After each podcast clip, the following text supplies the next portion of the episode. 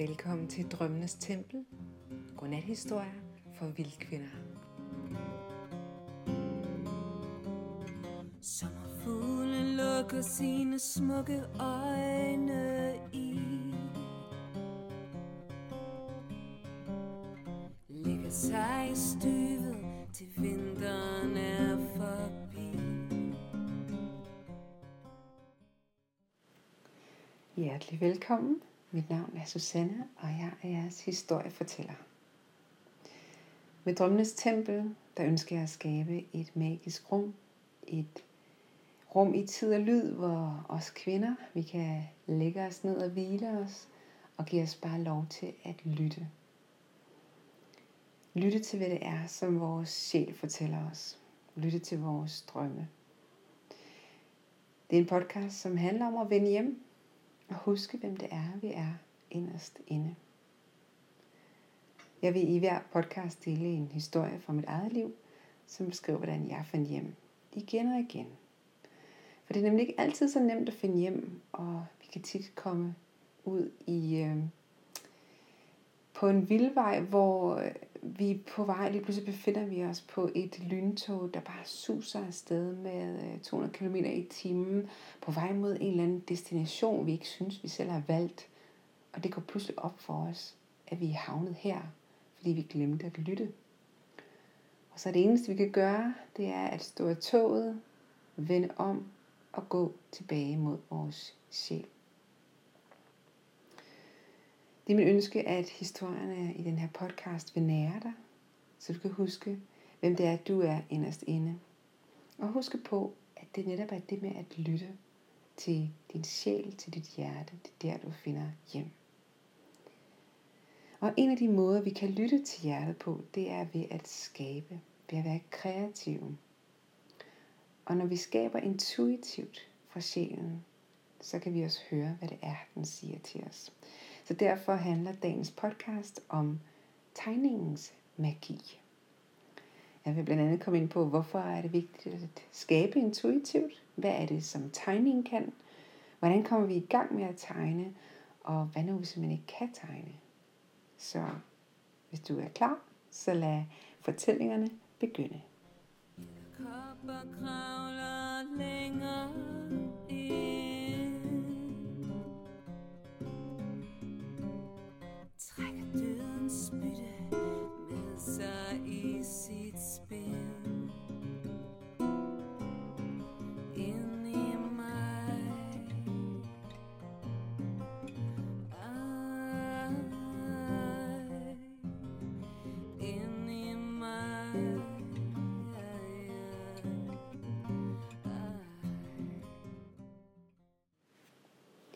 Som barn var jeg ofte den, der lyttede, mens mine veninder de snakkede.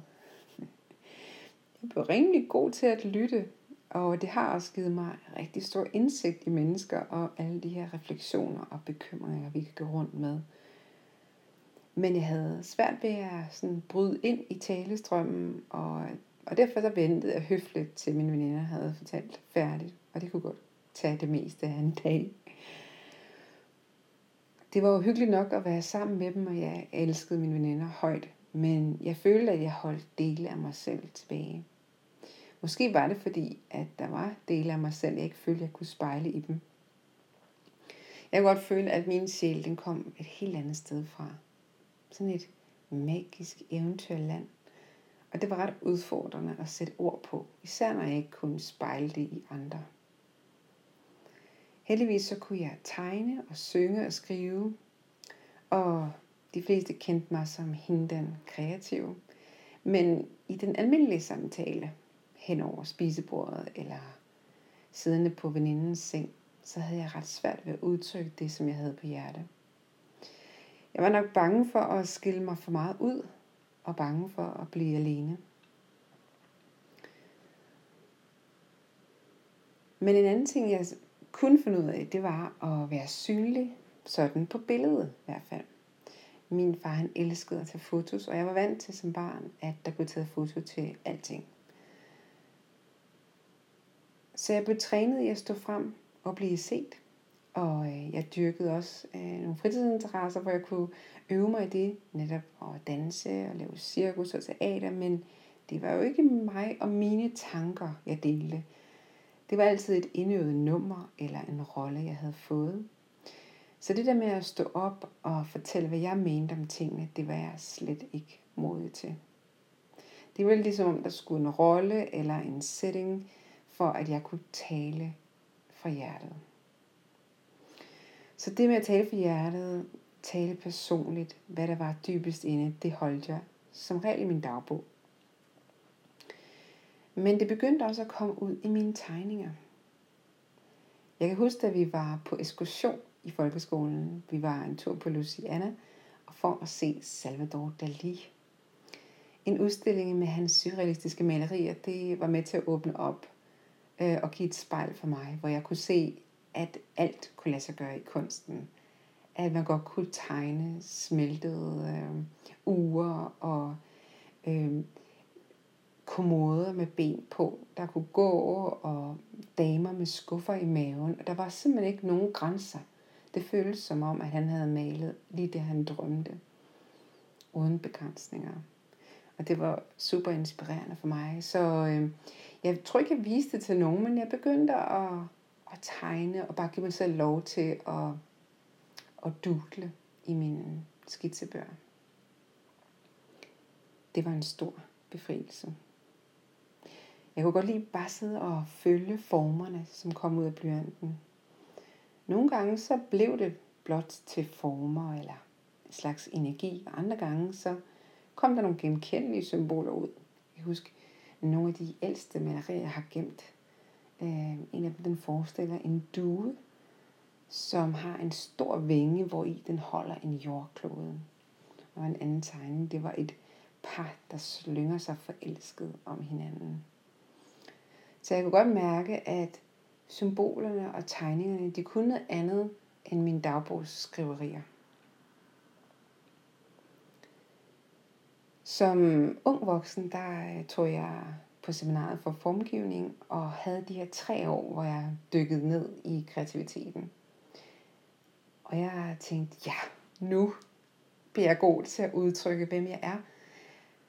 Men det, som vi mest lærte, det var faktisk teknikker. Og vi lærte selvfølgelig også kunsthistorie, og det var rart at kunne se en masse forskellige kunst og kunne spejle sig i det. Men meget af det var ligesom opskrifter, følte jeg.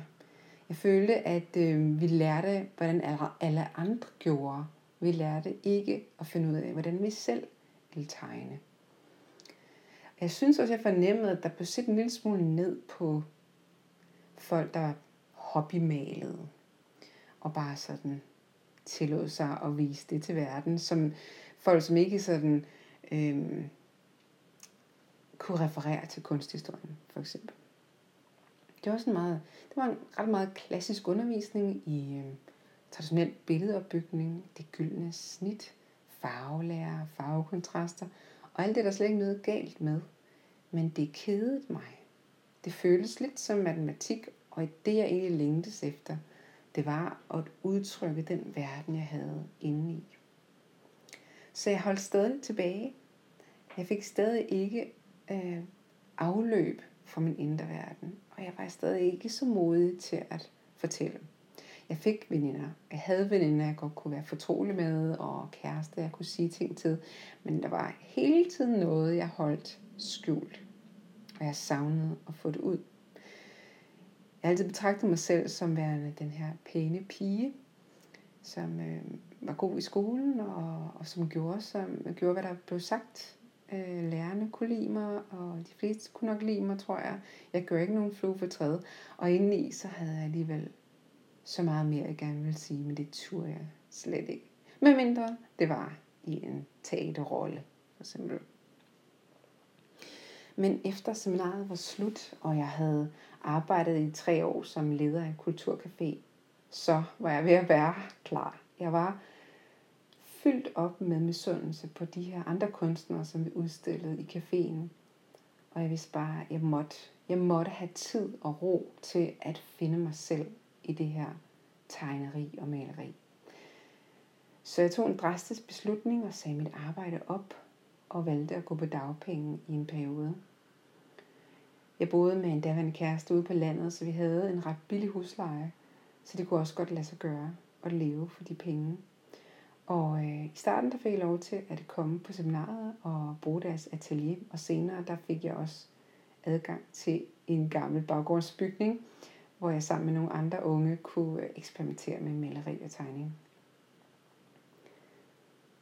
Det som åbnede op, det var, jeg kan huske en dag, jeg sad øh, på seminaret der, og havde det her rum, øh, hvor jeg bare var mig, og bare kunne lytte ind.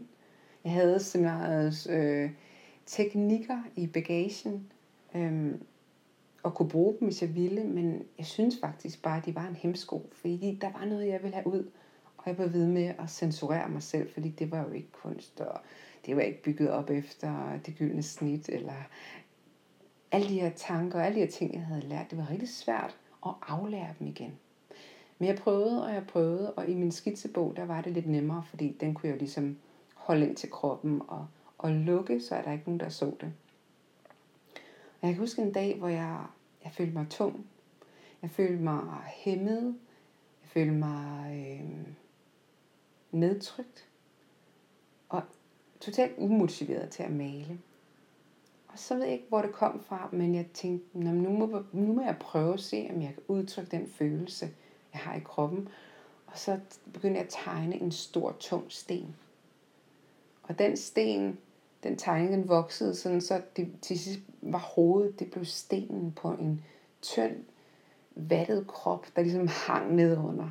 Og det var sådan, jeg havde det. Jeg havde det som en kæmpe, tung sten lå op på mit hoved, og resten af min krop var ikke i forbindelse med noget som helst.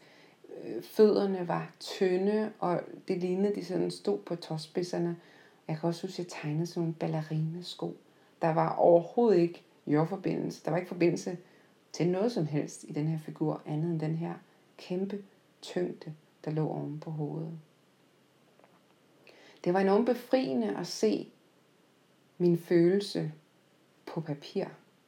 Og jeg kunne lige pludselig spejle mig selv i tegningen og følte, at jeg blev set af mig selv. Og det var faktisk en enorm egenkærlig handling. Så det blev jeg ved med. Jeg gav mig selv lov igen og igen til at tegne de mest mærkværdige tegninger i den her skitsebog. Og jo mere jeg gjorde det, jo mere mod fik jeg også til at brede det ud over skitsebogen. Jeg stod som sagt i starten i seminarets lokaler sammen med nogle andre, og jeg vidste, at øh, min gamle malelærer for eksempel kunne finde på at komme forbi og se de gamle elever stå og male, og jeg havde hele tiden den her fornemmelse af, at der nok var, at han nok havde nogle forventninger til, hvad det var, jeg skulle male, og hvad det var, jeg skulle blive til. Så hvis jeg sådan skulle tegne de her mærkværdige figurer op på et stort lærred, så skulle jeg også ligesom kunne forsvare, hvad det var, jeg gjorde, og at det skulle være kunst. Og jeg synes, det der ord kunst, det, var, det hæmmede mig.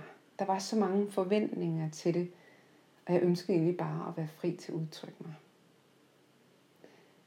Men heldigvis så blev jeg ved og ved med at insistere på at tegne, hvordan jeg havde det. Og da jeg sad hjemme i mit lille bondehus, der var der ikke nogen lærer, der kunne komme og kigge, så der følte jeg, at friheden var der til at udtrykke fuldstændig det, der kom ud.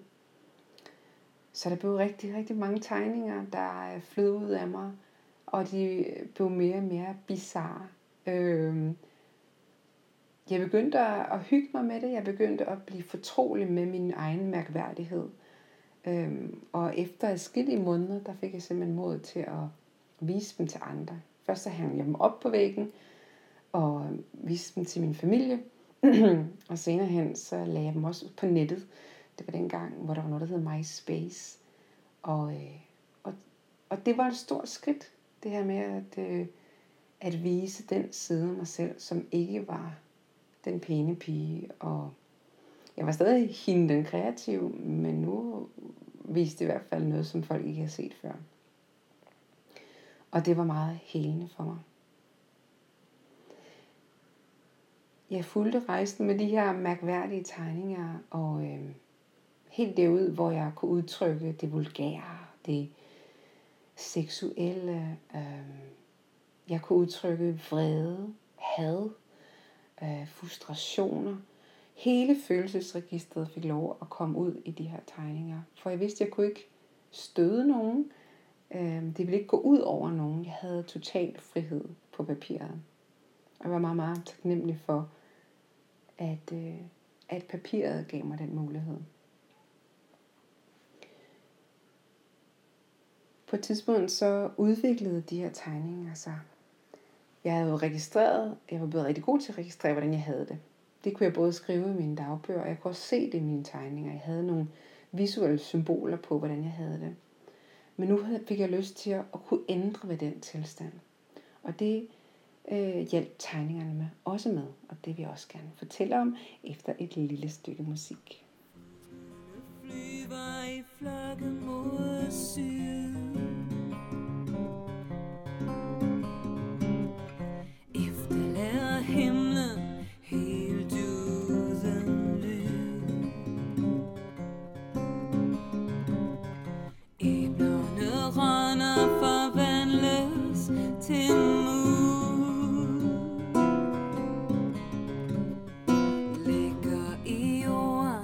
En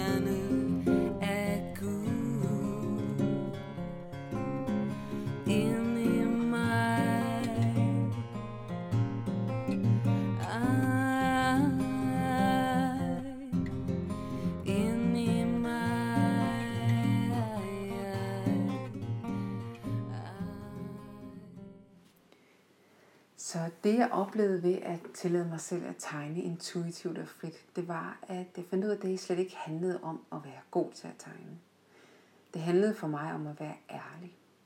Og det handlede om at lytte ind i kroppen og kunne mærke, hvad der var, der foregik, og prøve at beskrive det så godt som muligt. Så hvis jeg følte en tyngde, så gav det mening for mig at tegne en stor sten, eller hvis jeg følte mig frustreret, så kunne det være, at det var en stor krusedulle. Øhm, hvis det var den her manglende øh, jordforbindelse, så gav det mening at, at tegne tynde, svævende ben. Og, og hvis det var fordi, jeg følte en tomhed, så det her med at tegne et stort hul ind i maven, det var det, der skulle til. Det kunne være tændstiksmænd, såvel som det kunne være øh, fine, skraverede figurer. Det var ikke så vigtigt. Det vigtigste, det var ærligheden. Og derfor oplevede jeg, at det var, ja, det var ikke min scenariebaggrund, der kom ud her. Det var min sjæl, der kom til udtryk. Og øh, det jeg så oplevede, det var, at jeg havde et ønske om forandring. Nu havde jeg i lang tid lyttet på, hvordan jeg havde det, og jeg havde udtrykt det. Jeg havde udtrykt min vrede, mine vulgære sider, mine øh, også humoristiske sider. Øh, alle sider af mig var ligesom begyndt at komme ud, og jeg var begyndt at stå ved, at jeg havde alle de forskellige følelser. Og nu kan jeg godt tænke mig hjælp til at ændre dem. For jeg blev ved med at lave tegninger, der fortalte tomhed, der fortalte frustration. Og, og det gad jeg ikke mere. Der måtte gerne ske noget, og hvordan kunne jeg gøre det her? Jeg vidste ikke. Jeg vidste ikke, hvad øh, løsningen ville være på den her tomhed. Men så tænkte jeg, hvorfor jeg kan prøve at bede om hjælp. Jeg kan prøve at bede tegningerne om hjælp. Så i stedet for at tegne, hvordan jeg har det, så kan jeg prøve at tegne mit spørgsmål. Jeg kunne prøve at tegne mit ønske, min bøn. Så jeg begyndte at fokusere på, hvordan jeg godt kunne tænke mig at have det. Jeg ønskede, at der var noget, der skulle fylde mig op indeni. Jeg savnede en mening. Og jeg begyndte at skrive og tegne de her øh, drømme, de her ønsker, de her bønder. Og noget af de, nogle af de symboler, der kom tilbage, det var blandt andet nogle krystaller. Og nogle, øh, det var et af symboler, og en anden symbol, jeg tydeligt husker, det var sådan en blondekant. Og der var også meget med bryster. og der var også en stor penis, kan jeg huske, sådan en kæmpe falderstegning. Der var også en, hvor der var en stor mund, der råbte ud. Og der var noget med et syltetøjsglas, der gemte en mærkelig fantasifigur. Og det var ikke måske, fordi jeg lige forstod symbolerne, men jeg stolede på, at de symboler, der kom, var dem, jeg skulle modtage. Og mange år senere har jeg fundet ud af, hvad det var, de handlede om. Og jeg har set, hvordan blandt andet krystallerne, øh, var budskaber til mig omkring mening. De krystalsymboler bruger jeg den dag i dag til at kommunikere med mine chakras. Jeg arbejder med chakras den dag i dag, og krystallerne er vigtige, når jeg kommunikerer med mit tredje øje, når jeg navigerer efter det, jeg kalder krystalpunkterne. Krystallen står også for mig som et samlingspunkt.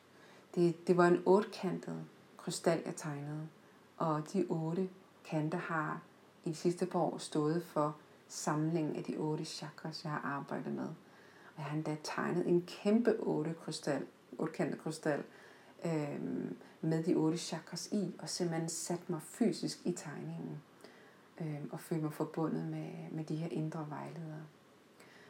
Det vil jeg gå meget mere ind i i en anden podcast, det her med, hvordan man kan bruge billeder rituelt. Men det, jeg ønsker at sige med den her podcast, det var, det er lyst til at sige, jeg har lyst til at fejre og opfordre til at bruge tegningen som forløsning. At bruge tegningens magi, det at kunne tillade sig selv at udtrykke den følelse, man har inde i, og starte der. Det kan nemlig være, at øh, dig, der lytter, måske er du øh, fuld af kreativitet, og der er flow på, men det kan også være, at nogle af jer, der lytter, har glemt jeres kreativitet, eller har fået sat en prop i, måske der bare ikke er tid til den. Der kan være mange ting, som kan blokere vores kreativitet. Det kan også være, at det er nogle barriere omkring, hvad vi fortæller os, øh, at vi ikke må, ligesom jeg havde det med, at jeg var den pæne pige, og der var bare nogle sider af mig selv, som jeg ikke accepterede på et tidspunkt, at de blev udtrykt, og så brugte jeg tegningen til at give mig selv lov til, som en tilladelse til at udtrykke lige sådan, som jeg havde det. Så det var for mig tegningsmagi. Det var, da jeg kunne lægge alt det skolede, alt det tillærte, og simpelthen stole på tændstiksfigurerne og de mærkelige doodlede skabninger. Stole på, at øh, de var nok. Og de faktisk var utrolig kraftfulde og, øh, og hjalp mig med at få det svar, jeg havde brug for til at forstå mig selv. Til at kunne lytte til mig selv. Kunne se, hvad det var, jeg rummede. Forstå mig selv og acceptere mig selv. Så for mig har tegningen været et utroligt kraftfuldt værktøj. Og hvis du kunne tænke dig at få øh, hjælp til eller støtte til at øh, begynde at, at tegne igen og begynde at lytte til dit eget hjerte, så vil jeg gerne invitere dig ind i Vildkvindens værksted. Det er en gruppe på Facebook, som jeg har skabt som et øh, helligt rum. Et sted for kvinder, hvor vi kan dele vores kreativitet, vores indre vildkvinde, vores øh, kærlighed for naturen, for vores måde at se verden på. Os, der tænker lidt anderledes end normen. vi har også brug for et fristed. Vi har brug for et sted, hvor øh, vi netop kan spejle os i hinanden og giver selv lov til at være med alle de farver, vi er, med alle de følelser, vi har. Øh, så der er du meget velkommen. Jeg har skabt den for kvinder, som modtager mit nyhedsbrev Nektar. Så hvis du ikke allerede modtager mit nyhedsbrev, så kan du tilmelde dig ved at gå ind på min hjemmeside, der hedder kraftkvinden.dk. Når du skal op til mit nyhedsbrev, så vil du også modtage øh, hints, små invitationer, blandt andet til den næste podcast, og det kan være til kommende kurser, øhm, og så ind i det her fællesskab, kreativ fællesskab, der hedder Vildkvindens værksted. Der deler jeg også øh, hver måned et værktøj, der har hjulpet mig. Og jeg glæder mig til at dele øh, nogle af mine mærkelige tegninger inde i Vildkvindens værksted. Og jeg vil også fortælle noget derinde om, hvordan jeg sidenhen har brugt de her gamle, mærkelige tegninger.